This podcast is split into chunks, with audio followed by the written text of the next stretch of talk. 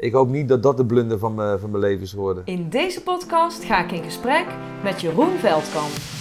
Welkom en goed dat je luistert naar deze podcast volop inspiratie over ondernemen in horeca, leisure en hospitality. Mijn naam is Miriam Ermes. Ik ga in gesprek met ondernemers en managers uit de allerleukste branche over blunders en succesgeheimen. Met waardevolle praktische tips hoe jij de verwachtingen van jouw gasten kunt overtreffen. Dit is jouw inspiratiepodcast. Dit is van blunders tot succesgeheimen. Welkom in mijn podcast, Jeroen. Dankjewel. Een eer. Ja, ja dat voor het eerst dat ik dit doe. Oké, nou superleuk. Spannend voor ons allebei dan. We zitten in ehm, een zaakje De Buren van Coffee Lab in Eindhoven. En, eh, Ja. Want bij jou zijn ze de ramen nog aan het verwisselen. Dus dat hebben we even kunnen doen. Nou, mocht er wat achtergrondgeluid zijn, dan eh, is dat van mensen die hier aan het werk zijn. Maar dat is eh, alleen maar gezellig. Eh, zou jij je allereerst even kort kunnen introduceren? Ja, leuk. Mijn naam is Jeroen Veldkamp. 49 jaar. Vier kinderen. Getrouwd. Dus de, tot zover mijn privésituatie. Ik kom uit Enkhuizen. Daar ben ik geboren en getogen in 1971. En daar heb ik eh, de keuze gehad, omdat het een toeristendorp is, om te gaan bollen rapen en bollen pellen of te gaan afwassen in een, eh, in een restaurant. Eh, ik ben begonnen met bollen pellen, maar dat vond ik en, en rapen, dat is gewoon ja, niet, mijn, niet mijn ding. Niet jouw ding. nee. Ongezellig en al, elke keer hetzelfde. Dus ik ben, toen ben ik gaan afwassen en toen dacht ik, kijk, het is gezellig, het is leuk. En ik vond afwassen echt leuk om te doen, dus ik had mijn hele afwashoek steeds strak onder controle. Ik probeer efficiënt te werken. Niet dat ik zo efficiënt ben, maar probeer dat zo goed mogelijk te doen. En zo ben ik van eh, afwassen, eh, ja, dan mag je automatisch de koks gaan helpen. Voordat ik het wist, eh, stond ik uh, garnalencocktails te maken en peren te schillen voor de gestoofd peertjes. En toen keek ik altijd door het afwasluik. En toen zag ik precies op het moment dat er stress kwam in de keuken. Hè, dan werd er, de, kwam de piek van de, van de lunch of het diner. En als je dan door het afwasluik eh, naar de service kijkt, naar het restaurant, dan zie je die gastheren daar eh, gezellig aan tafel staan kletsen. Een flesje wijn openen. En dat was dan een soort con- contradictie of zo. of Ik weet niet wat daar het moeilijke woord voor is. En toen dacht ik, ja, ik moet daar gewoon zijn, man. Het is daar veel leuker. En toevallig was er een kelner die wilde graag kok worden, want die had gewoon moeite met mensen. Nou, dat was een, een goede deal. En zodoende belandde ik in de, in de bediening Dus je ging van de achterkant naar de voorkant. naar de voorkant. Ja. En heb ik mijn opleiding daarop aangepast. Ben ik de opleiding gastheerschap gaan doen. Eh leerlingstelsel. Eén dag in de week eh, naar school, de rest werken.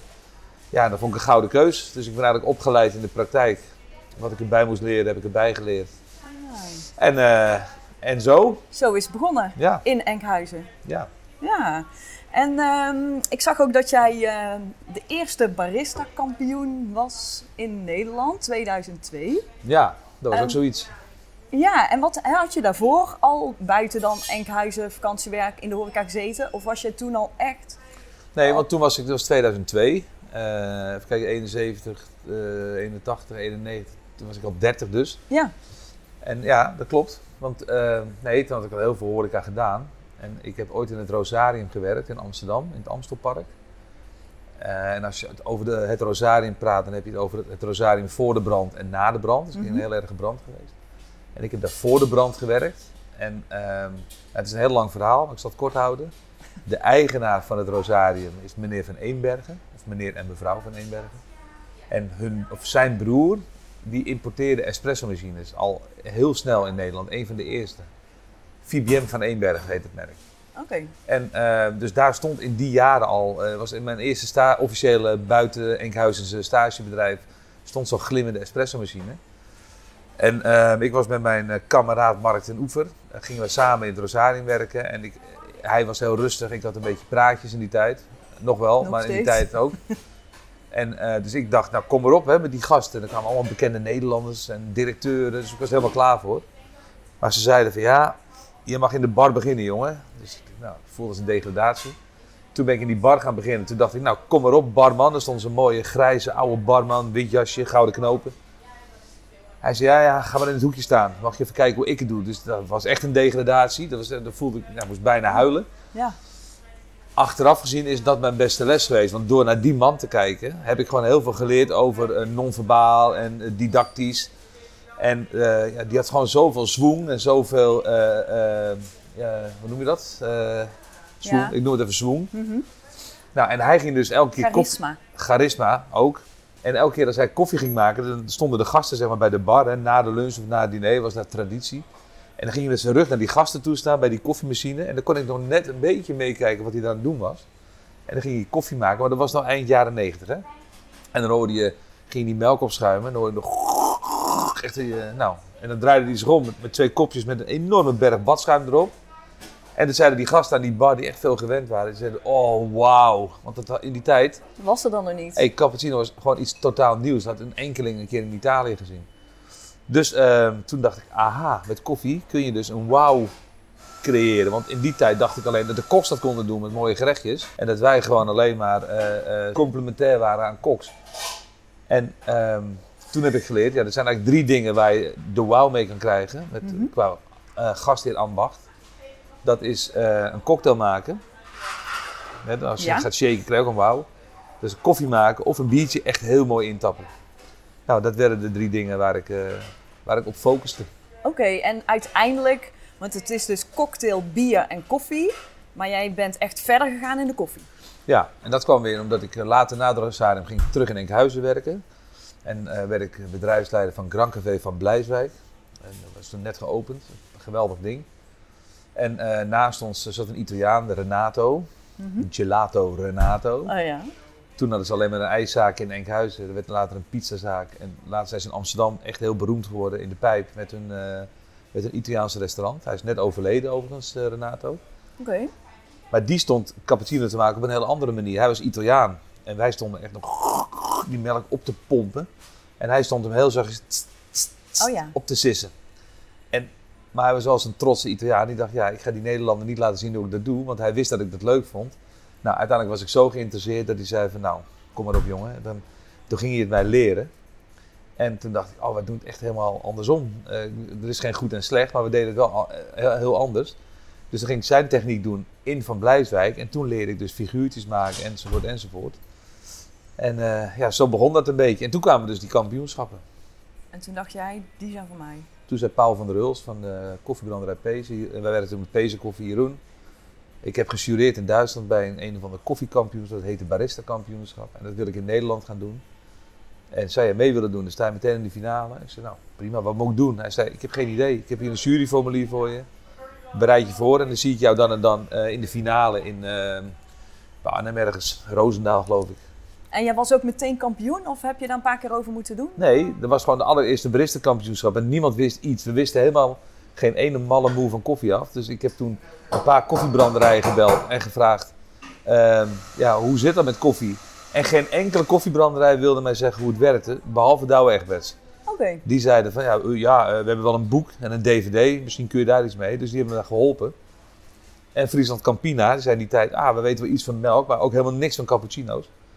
Nou, dus ik heb me zo goed mogelijk voorbereid. Ik heb een ex-kampioen in eh, Denemarken gebeld. Eh, er, er waren in die tijd nog maar twee wereldkampioenen.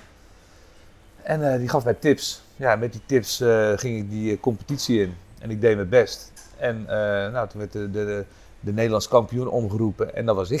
Zo, goed gedaan. Ja, ik moet wel eerlijk zeggen, het was echt een Mickey Mouse competitie vergeleken bij nu. Maar ja, ik ben wel blij en trots dat ik die eerste en die daarna won Die ik ook. tweede ook. Ja. En de derde werd ik tweede, ben ik gelijk gestopt.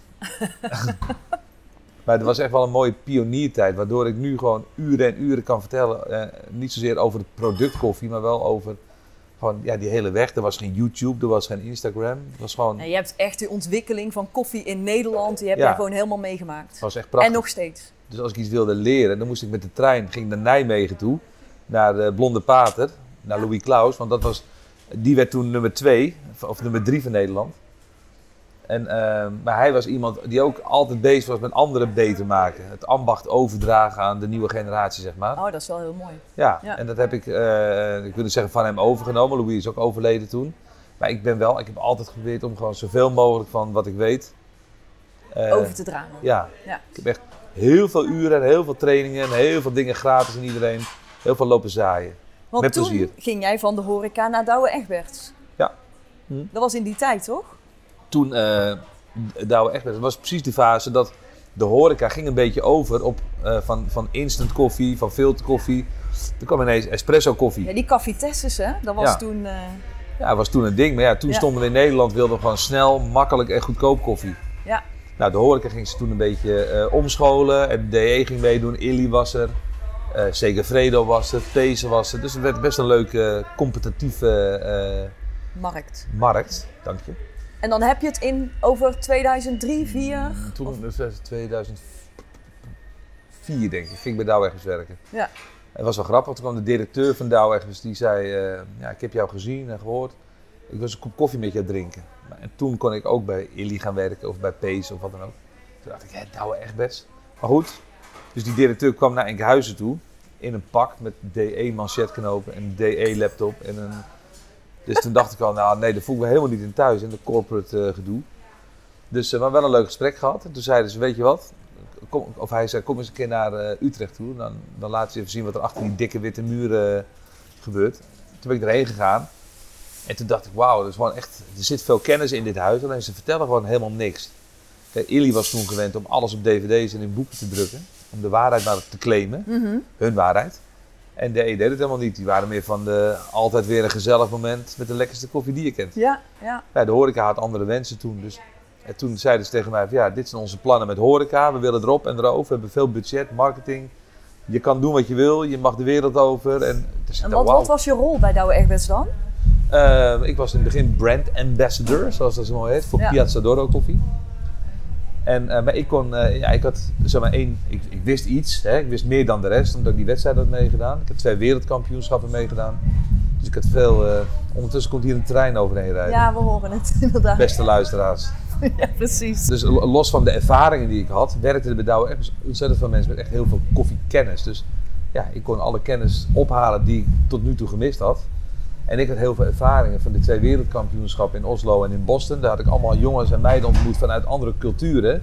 Uit Indië, uit Indonesië, uit Scandinavië, Rusland, Polen, noem het maar op. En die hadden allemaal een eigen opvatting, omdat ze een eigen cultuur hebben en een eigen geschiedenis hebben. Alles allemaal een soort eigen opvatting en ook vooral eigen manieren van koffie maken. Hè? Turkije, Marokko is toch net iets anders dan bij ons. En eh, dus ik had al snel geleerd dat er geen waarheid in koffie is. Nee. En dat heb ik altijd eh, zo gehouden, dus nu nog steeds. En ik, ik, ik snapte hoe je latte art moest maken. En daar was ik ook echt, ja, nou niet om mezelf een veer te geven, maar ik was er als eerste bij, eh, een van de eerste. Louis Klaus overigens, die, die wist er als eerste van en die, die kon het ook als eerste. Alleen in de, in de finale ja, was hij ook zo, zo gespannen dat de hele latte art mislukte. Eigenlijk ben ik daardoor kampioen geworden, denk ik. Omdat mijn cappuccino gewoon eh, dik was. Maar dat terzijde. Dus DE stuurde mij rustig eh, eh, naar Chicago toe, naar, want daar zat het hoofdkantoor. Om daar even te laten zien hoe ik een hartje in de koffie maakte. En dan moest ik daar een week heen voor 10 minuten een demonstratie. En dus dan kon ik weer, had ik alle tijd door Chicago heen te fietsen. En daar had je op dat moment allerlei echt koffietenten die, de, de, die het verschil aan het maken waren op straat. Die waren ook aan het pionieren. Dus jij mocht in de tijd van Douwe Egberts, jij was en een beetje de trendwatcher dan Ja. misschien. En ook degene die daar het, eh, Ze noemden mij de koffiewatcher. de koffiewatcher, wat mooi Ja. woord. Ja, maar ik heb vooral heel veel tijd gekregen om in andere steden en andere culturen te kijken hoe het, hoe het daar met koffie gaat. En ehm, ja, die verhalen vertaalde ik dan weer in Nederland en die vertelde ik dan weer aan ondernemers in Nederland. Ja, Maar in Nederland had ik ook een luizenleven, moet ik ook eerlijk zeggen. Want ik was eh, of, eh, brand ambassador voor het merk Piazza Doro. En ehm, toen, ze zeiden tegen mij, ja, zie maar waar je begint. Toen dacht ik, oké. En ik had al wel geleerd dat een appel eh, eerder van boven naar beneden valt eh, dan dat hij van beneden naar boven valt. Dus ik denk, ik moet gewoon helemaal boven de top beginnen. Als ik daar een beetje voet aan de grond kan krijgen, dan, eh, dan zakt het misschien eh, verder de horeca in. Dus ik ben begonnen bij de sterrenzaken. En eh, ik weet vanuit Douwe Vanuit Douwe Egberts. Dus ik dacht, eh, ja. ik, ik begin met de sterrenzaak en ik ga zo ver mogelijk beginnen. Dus ik heb eh, Beluga eh, gebeld, Hans van Wolde. En die zei, gek genoeg, ja, is goed jongen. Als jij, hij zei, wij zijn geïnteresseerd in verhalen over producten. Maar kom nou niet met zo'n aanbieding, hè. Want je wil wel verhalen horen. Nou, toen was ik daar. Nou, mijn verhalen over koffie gedeeld, over smaak en over kunde. En toen waren ze om, toen gingen ze over op het merk Piazza Doro.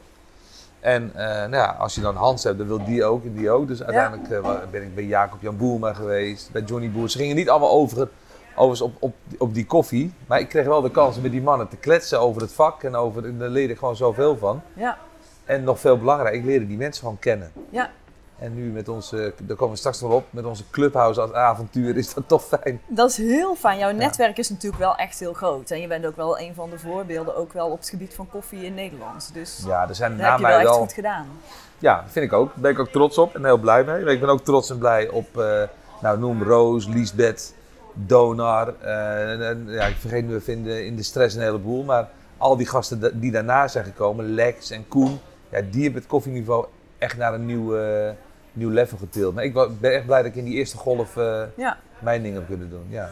Ja, want na Douwe Egberts, eh, toen ben je Coffee Lab gaan beginnen. Of hoe is dat gegaan, die ontwikkeling naar Coffee Lab? Want het was Ehm, niet meteen een fysiek, Nee. fysieke locatie. Nee, er kwam eerst nog een, eh, een, een privé gebeurtenis tussendoor. Ik ben privé gescheiden toen in Enkhuizen. En ik werkte toen nog voor Douwe Egberts. En toen, eh, toen had ik al contact met Rob Bongers. Die is nu mijn compagnon. Mhm. Rob had toen een bedrijf dat heet Stielstuff. Ken ik van de Efteling. Ah, ja, tuurlijk. Ja, de koffiekar. Ja. Ja, dat soort dingen onder andere deden zij toen. En ook voor Douwe Egberts. En ik vond dat magisch. Hè? Toen zaten zij nog in Tilburg.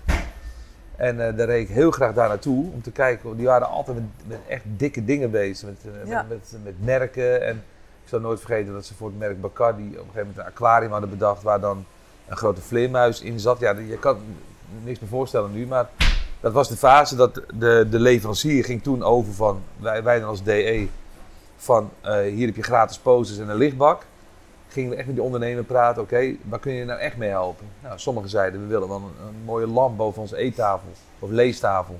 Nou, dan ging Stielstuff voor ons een lamp eh, eh, in elkaar ontwerpen. Ja, het ging veel verder dan alleen product Veel en persoonlijker, presentatie. zodat je echt zo'n Ja. ondernemer echt blij maakte met, met, met iets wat wel je merk vertegenwoordigde. Of het stond Ja. erop, of het was in die kleur, of wat dan ook. Maar goed, dus ehm, nou, Rob had ik al eh, contact mee gehouden. Dat vond ik eh, eh, boeiend. En ehm, toen ontmoette ik Mieke, waar ik dus nu mee ga. En die kwam uit Maarhezen. Dat ligt hier eh 10 kilometer ongeveer van Eindhoven af, misschien 20. Dus toen ben ik, was ik steeds meer hier te vinden. Toen opende Rob zijn nieuwe kantoor hier in de Lichttoren. Daar was ik. En toen zei hij tegen mij op een gegeven moment: Ja, ik ben benaderd door de gemeente Eindhoven om mee te denken in een koffiebar.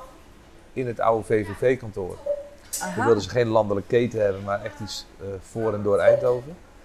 En eh, of ik mee wilde denken, want ja, hij snapte een beetje hoe, eh, hoe of een beetje, heel goed hoe je horeca moest ontwikkelen. Ja, Ehm, en ik, ik wist van koffie. Dus hebben we een plan geschreven. Met Jan-Willem van der Aarde bij. Dus, ja, die was er toen ook al bij. Ja, die kwam net iets ietsje later. Oké, Maar die hebben er wel, we zijn blij dat die erbij kwam. Ja, want dat is van de operatie neem ik Ja. aan. Ja. Dat zou ik zo zeggen. Maar Oh, uiteindelijk hebben we dan een pitch gedaan bij de gemeente. Van ja, eh, nou dit is ons idee. Alsjeblieft, doe ermee wat je wilt. Toen zei ze, ho ho. Eh, ja, we zouden toch ook fijn vinden als jullie bij de operatie betrokken willen zijn. Nou, daar hadden we niet op gerekend toen. Dus toen, eh, toen dachten we, ja, wat doen we nu? En eh, ik wil niet zeggen midlife crisis, maar we, we hadden toen wel ook gesprekken samen met een biertje erbij over. We praten altijd over horeca, maar misschien moeten we het ook gewoon eens gaan, gaan doen. Hè? Laten zien dat we het ook echt kunnen. Dus toen hadden we een keer aan een kroegje gedacht van een weet ik veel wat, van alles. Dat we dachten, nou le- leuk voor op de vrijdagmiddag. Ja, toen kwam dit op ons pad en toen zeiden we van nou, we gaan het gewoon doen. Dus toen zijn we begonnen met, eh, ja, met inrichten. Dat deed dan eh, Lianne, de vrouw van Rob. En hebben alle, alle kennis bij elkaar gegooid wat wij hadden.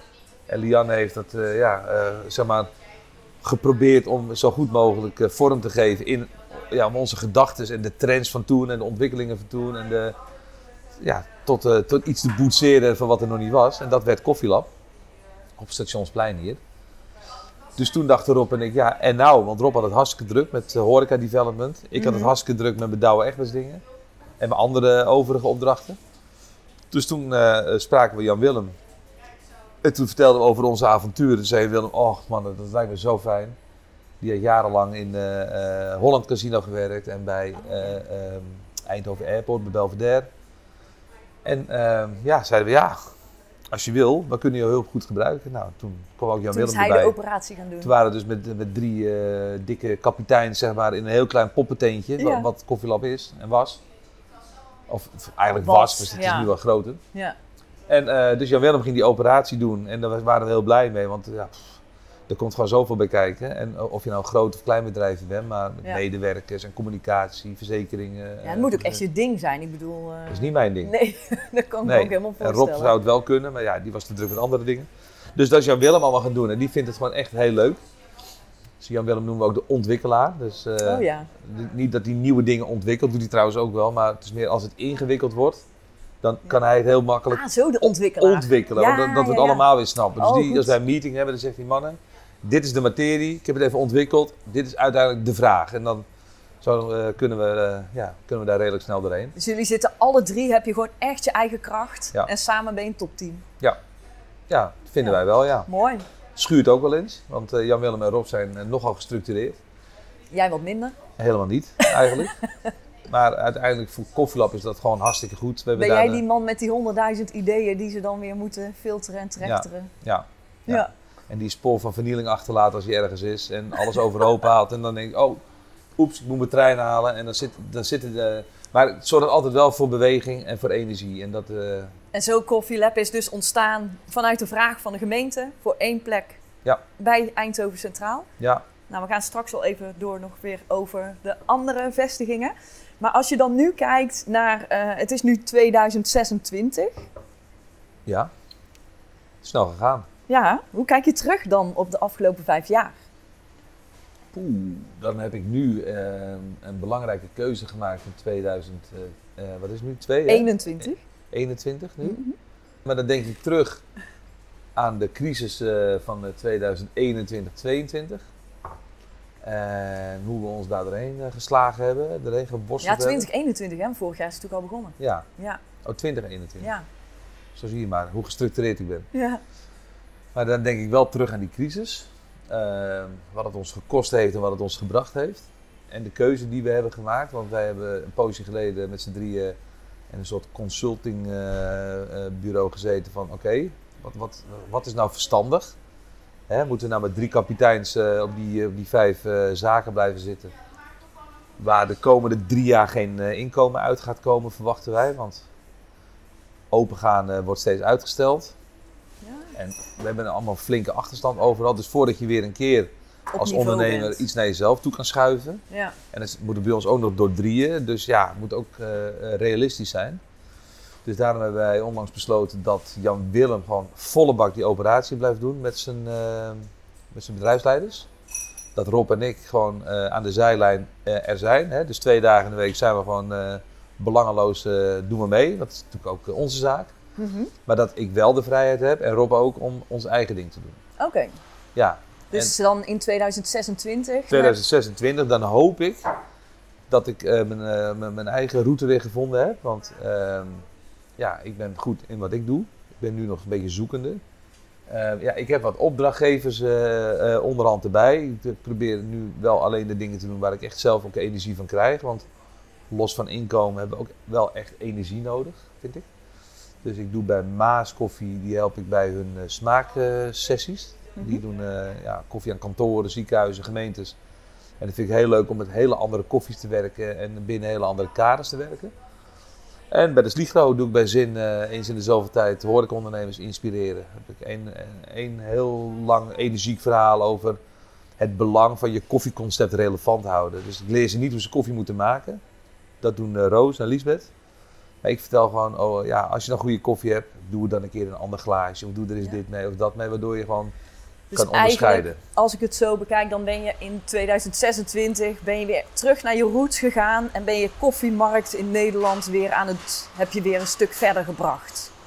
Ja, door- heb ik in ieder geval de, eh, een heleboel horecaondernemers weer geholpen die het Ja. op dit moment nodig hebben. Eh, dan hoop ik dat we Koffielab eh, hebben kunnen laten groeien. Hè. We hebben nu besloten, we gaan consolideren. Dus we houden, behouden wat we hebben. Ja, want je hebt nu vijf vestigingen. We hebben er vijf.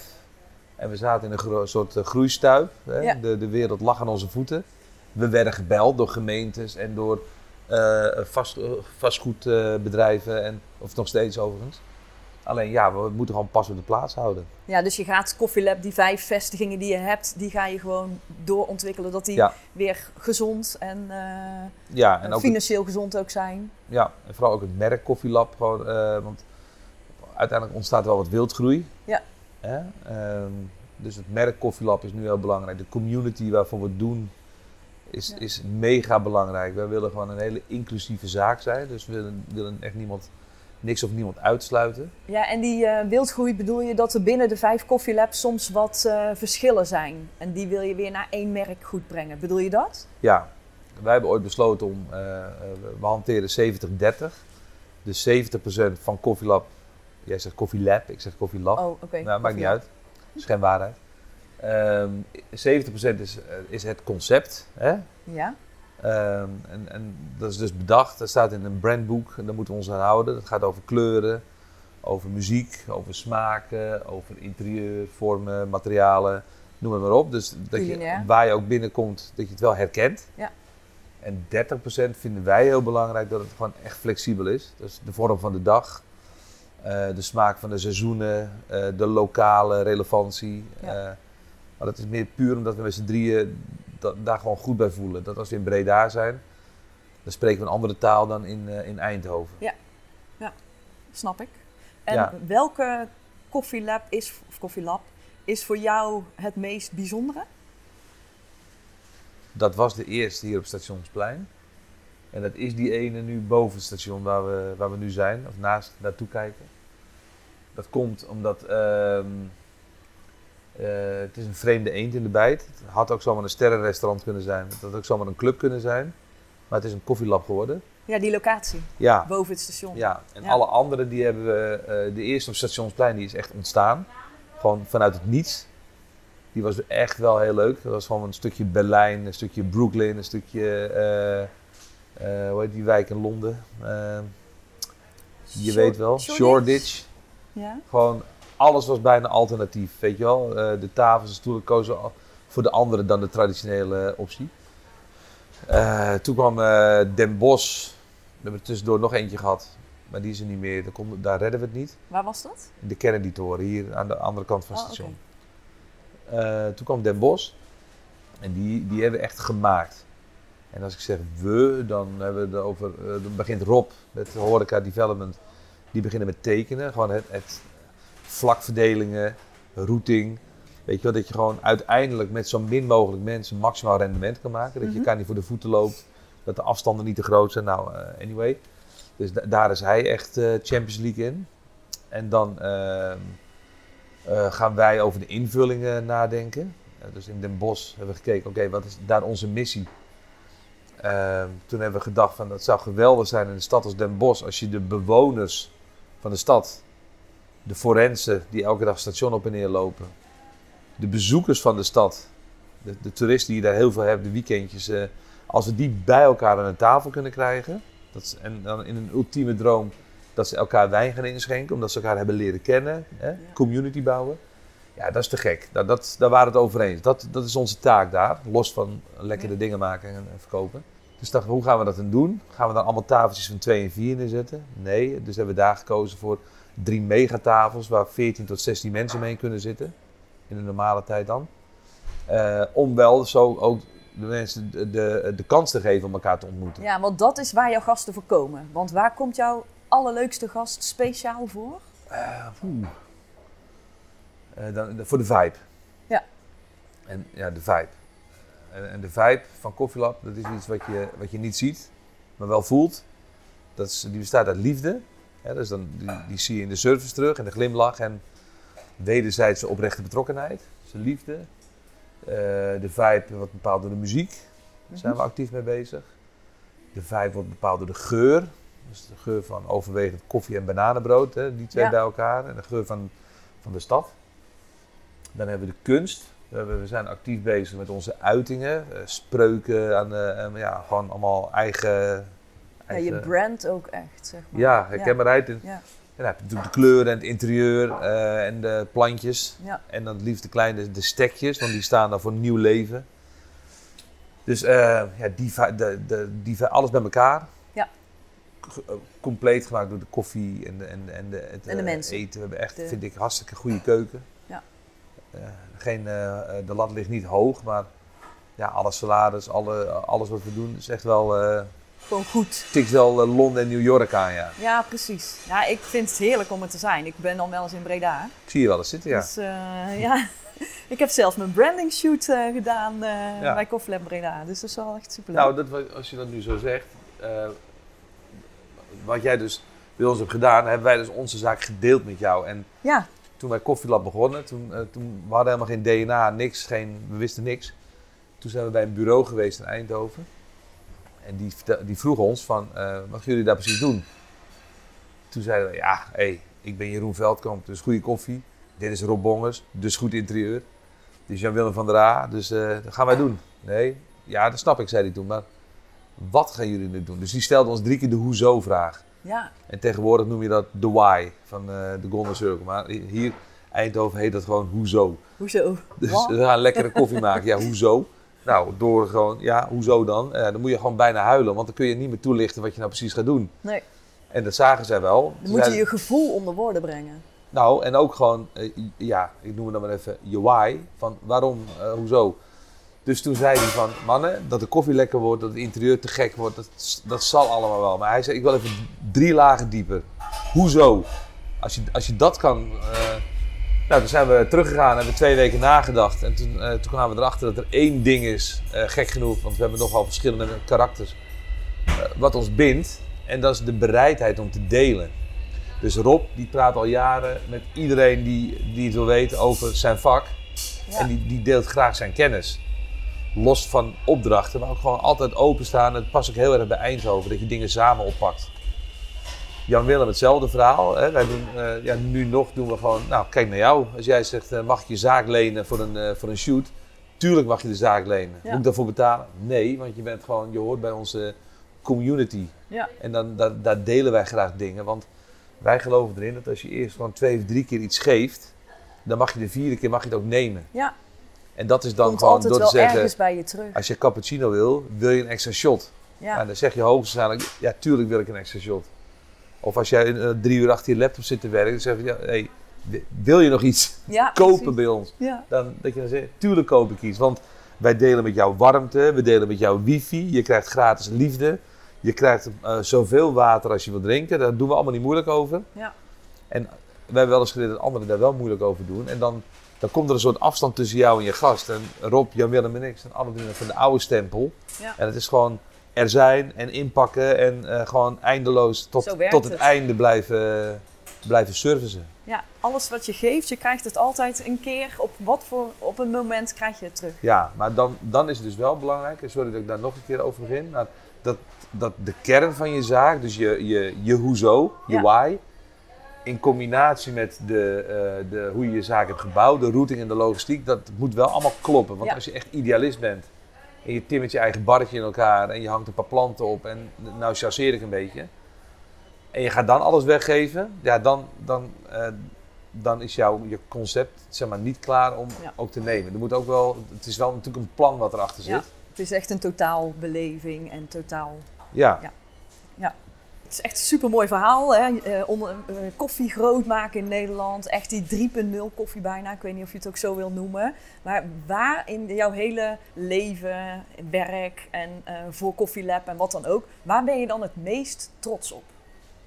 dat ik nu nog steeds mensen tegenkom, of op social media tegenkom, of op Clubhouse tegenkom, die zeggen: Oh Jeroen, ik heb nog steeds dagelijks veel plezier aan de tips en de tricks die jij acht, negen jaar geleden gaf over het maken van koffie.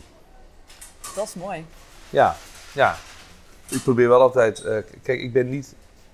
Toen ik met Douwe Evans ging werken, heb ik een hele duidelijke keuze gemaakt. Ik, eh, heel veel andere koffiegekken eh, en koffiekampioenen, die, die, die gingen steeds meer koffie branden. Naar de plantages toe. Die waren heel erg na- naar de, de heritage en de oorsprong eh, gericht. Naar het product. Ja, ik, ik had dat niet en ik heb dat nog steeds niet. Nee. Ik, ik was veel meer, me- mede ook door de marketing bij DE, ben ik steeds meer naar de eindgebruiker. Ja. Dus naar de consument of de gast. Ja, jij zit echt op het eindproduct. En Ja. de eindbeleving eigenlijk. Ja. Meer dan alleen het product. Ja, plus mijn horeca ervaring Ja. en, eh, en ook mijn ambitie om het gewoon eh, ja, graag voor het alternatief te kiezen. Doe, kijk, ik denk als je nu deze crisis uitkomt en je gaat straks weer open en je serveert nog steeds alleen maar koffie in een kopje op een schoteltje met een labeltje en een koekje. Ja, dan laat je echt gewoon iets liggen. Want ik geloof er heilig in dat straks de, eh, het gevecht om de gast weer gaat beginnen. Mhm. En die gast kan maar op één plek tegelijk zijn. Dus als hij niet bij jou zit, dan zit hij waarschijnlijk bij de buren. Ja. Dus als je hem eerder bij jou wil hebben, ja, dan zul je misschien iets eerder open moeten gaan. En als je eerder open gaat, is een andere productgroep belangrijk. En dat zou zomaar eens koffie kunnen zijn. Dus ik zou iedereen willen oproepen. Eh, Zorg dat je koffieconcept in jouw zaak gewoon relevant is. Dat je, dat je snapt waar het nu om gaat. Ja. En dat kan, eh, hoeft niet een andere machine te zijn. Dat kan ook gewoon, doe is een latte macchiato in een champagnefluit. Eh, De koffie verandert niet. Maar het glas, het glas verandert wel het hele moment. Ja. En ik wil niet zeggen dat dat de oplossing is, maar het is wel een soort denkrichting. ja, van- dat is mooi. Jij kan echt met koffie gewoon echt vernieuwend denken. Dat het er gewoon Ja. totaal anders uitziet, terwijl het product hetzelfde is. Maar ik bedenk niet alles zelf, want ik kijk gewoon heel goed naar bartenders. Die hebben die fase al gehad. Hè. Die, als je die ziet, die hebben al lang gezien dat een cocktail in een champot een, een, een totaal meer rock-and-roll gevoel geeft dan diezelfde cocktail in een martini glas. Ja, En chefs zijn er al lang achter dat een gerechtje op een dakpan of op, op een omgekeerd eh, schaaltje een Ja. totaal andere beleving geeft dan op weer een wit bord ja. of een, of een eh, ander bord. Dus ja, in die fase zitten we nu met koffie. Het kan, je kan het gewoon spannender maken. En dat komt weer terug bij het beginverhaal. En dan stop ik hierover hoor. Maar je kan gewoon, als je je best doet, dan krijg je gewoon een wow-factor aan je koffie. ja. En koffie is de hele dag relevant. Het begint s ochtends om 7 uur met koffie en het eindigt s'avonds om 8 uur nog steeds met koffie. Dus het gaat de hele dag door. Dus eh, voor iedereen is het gewoon een belangrijk product. ja, zeker. En wat is dan jouw allergrootste succesgeheim? Wow. Eh, ik denk gewoon wederzijdse oprechte betrokkenheid. Als ik, eh, als ik met iemand praat of met iemand, eh, dan ben ik gewoon echt geïnteresseerd.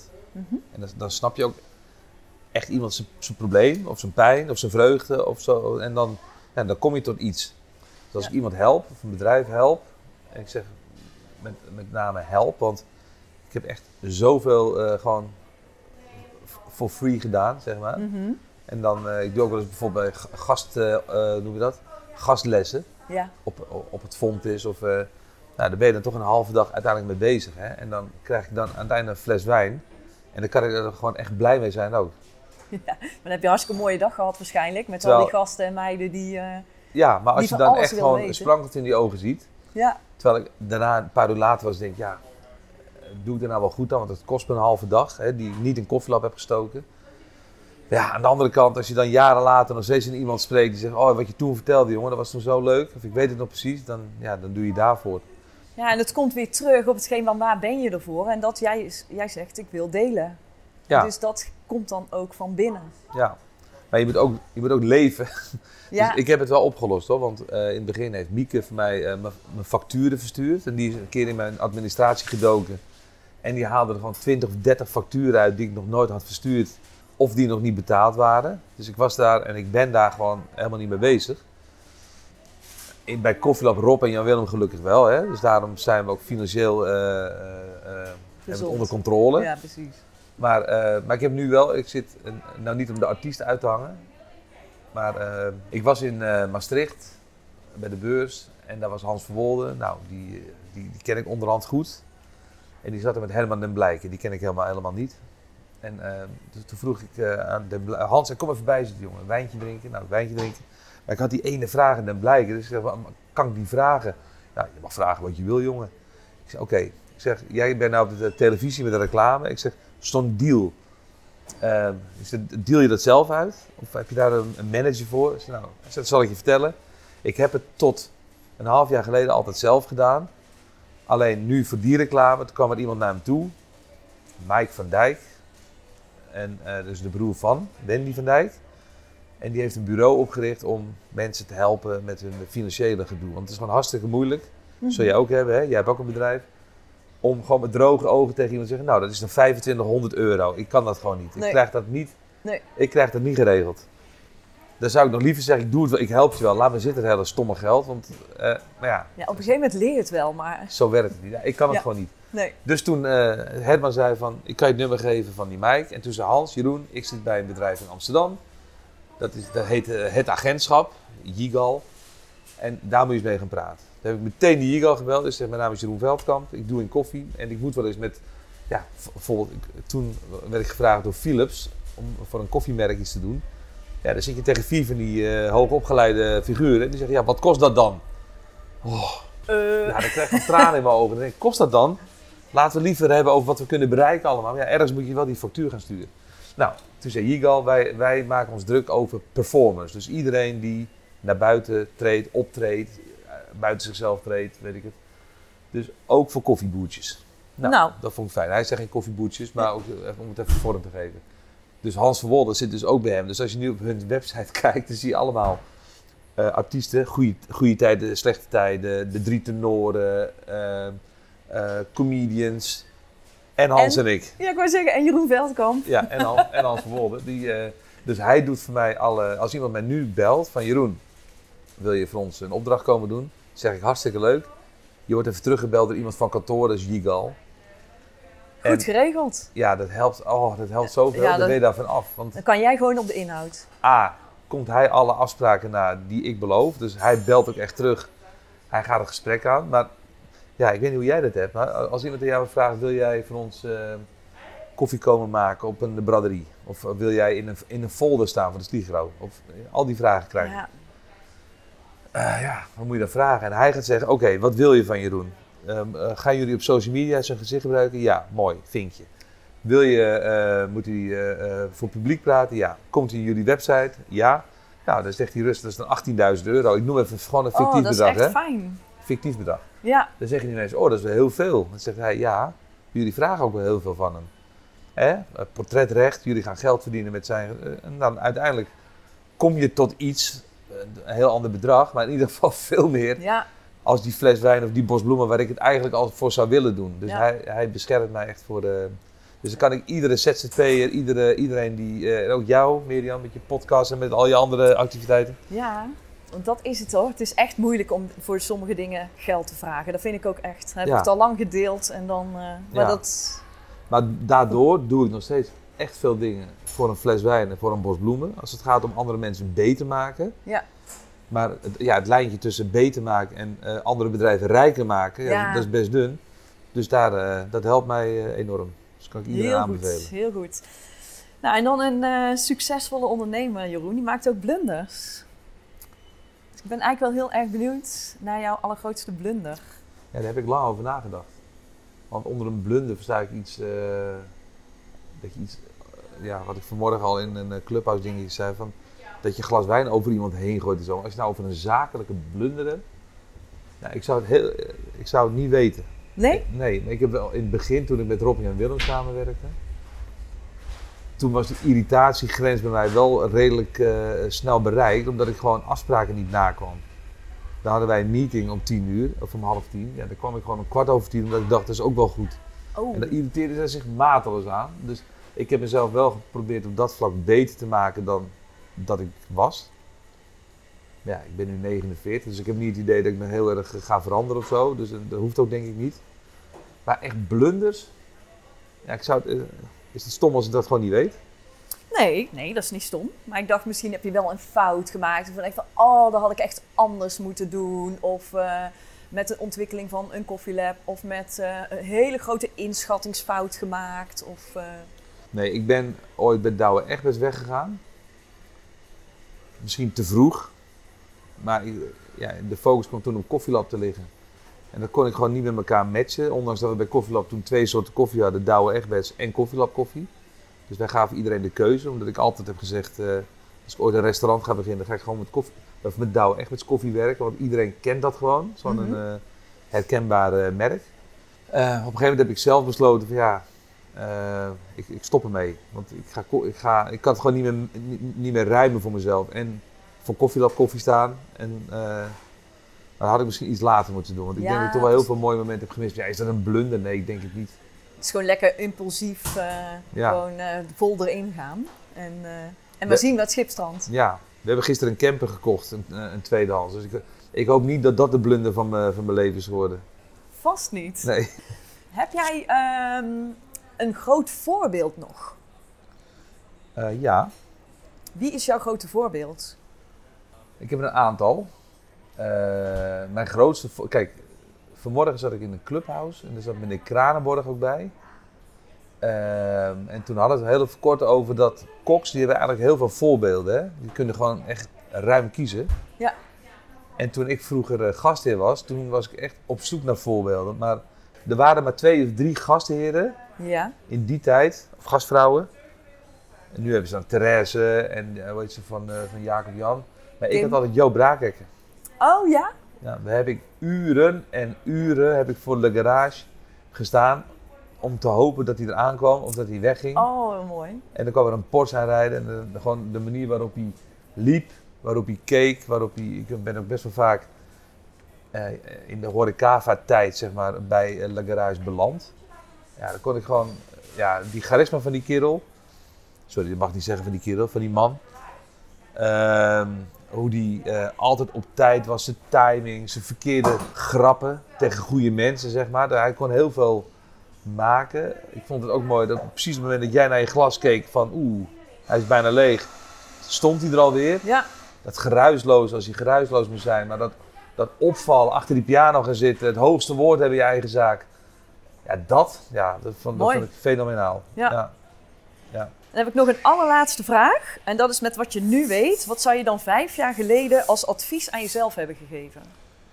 Is het dan nu 2006 of is nee, het nu? je zit nu gewoon Nu met nu. wat je nu weet, zeg maar. Hè? Het is nu 2021, maar vijf jaar geleden eh, was Dan je eh, bij... had ik graag nog een, ehm, een, een, een opleiding of, een, eh, of iets anders gevolgd met, op, op marketingvlak.